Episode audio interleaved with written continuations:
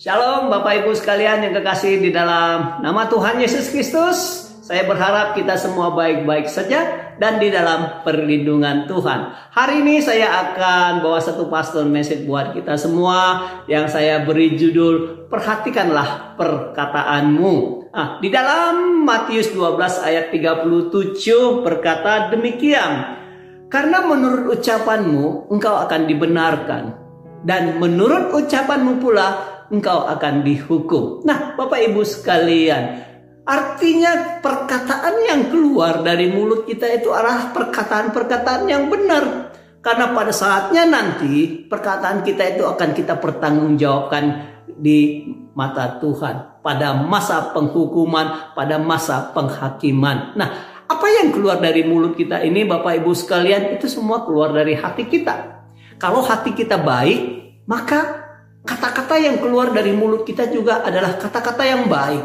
Nah, kalau ada hati kita tidak baik, maka kata-kata yang keluar dari mulut kita adalah kata-kata yang tidak baik. Oleh karena itu sangat-sangat mempengaruhi sekali apa yang ada di dalam hati kita itu. Supaya perkataan kita baik, kita harus perhatikan hati kita. Nah, di dalam Efesus 4 ayat 29 berkata demikian.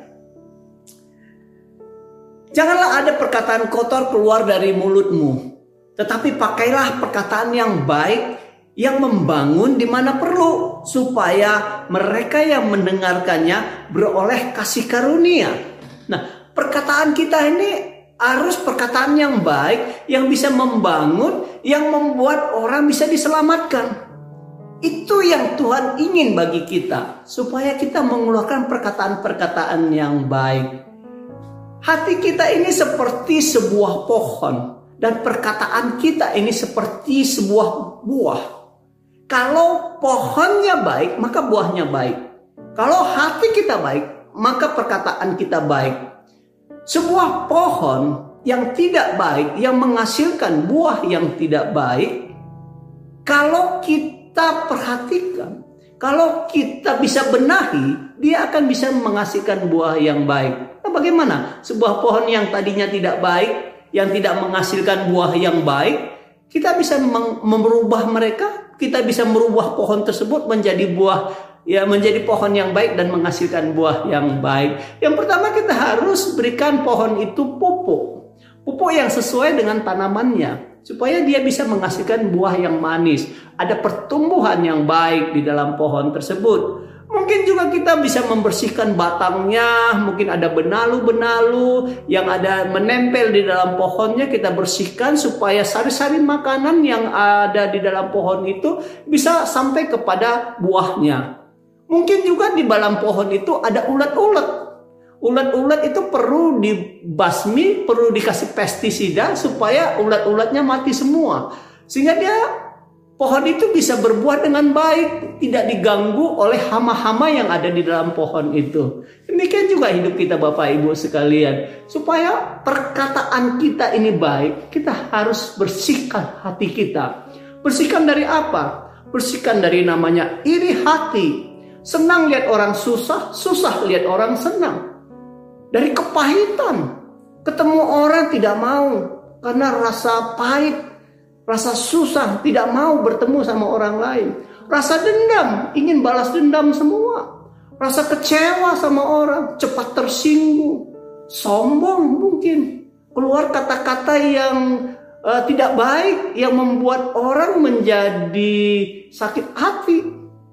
Nah, Mungkin juga ada kebiasaan-kebiasaan buruk kita yang perlu kita bersihkan, yang perlu kita bereskan. Trauma-trauma masa lalu juga perlu kita bereskan. Supaya hatinya menjadi baik Bapak Ibu sekalian. Karena kalau hati kita baik, pasti dia akan mengeluarkan perkataan-perkataan yang baik. Oleh karena itu, Bapak Ibu sekalian, mari kita jangan menyimpan semua sampah-sampah di dalam hati kita seperti tadi kecewa, sakit hati, iri hati, kepahitan, dendam, sombong, angkuh. Itu semua sampah-sampah yang ada di dalam hati kita. Kalau dalam hati kita banyak sampah, Bapak Ibu sekalian, maka kata-kata yang keluar dari mulut kita itu juga pasti semua menjadi sampah bagi orang lain.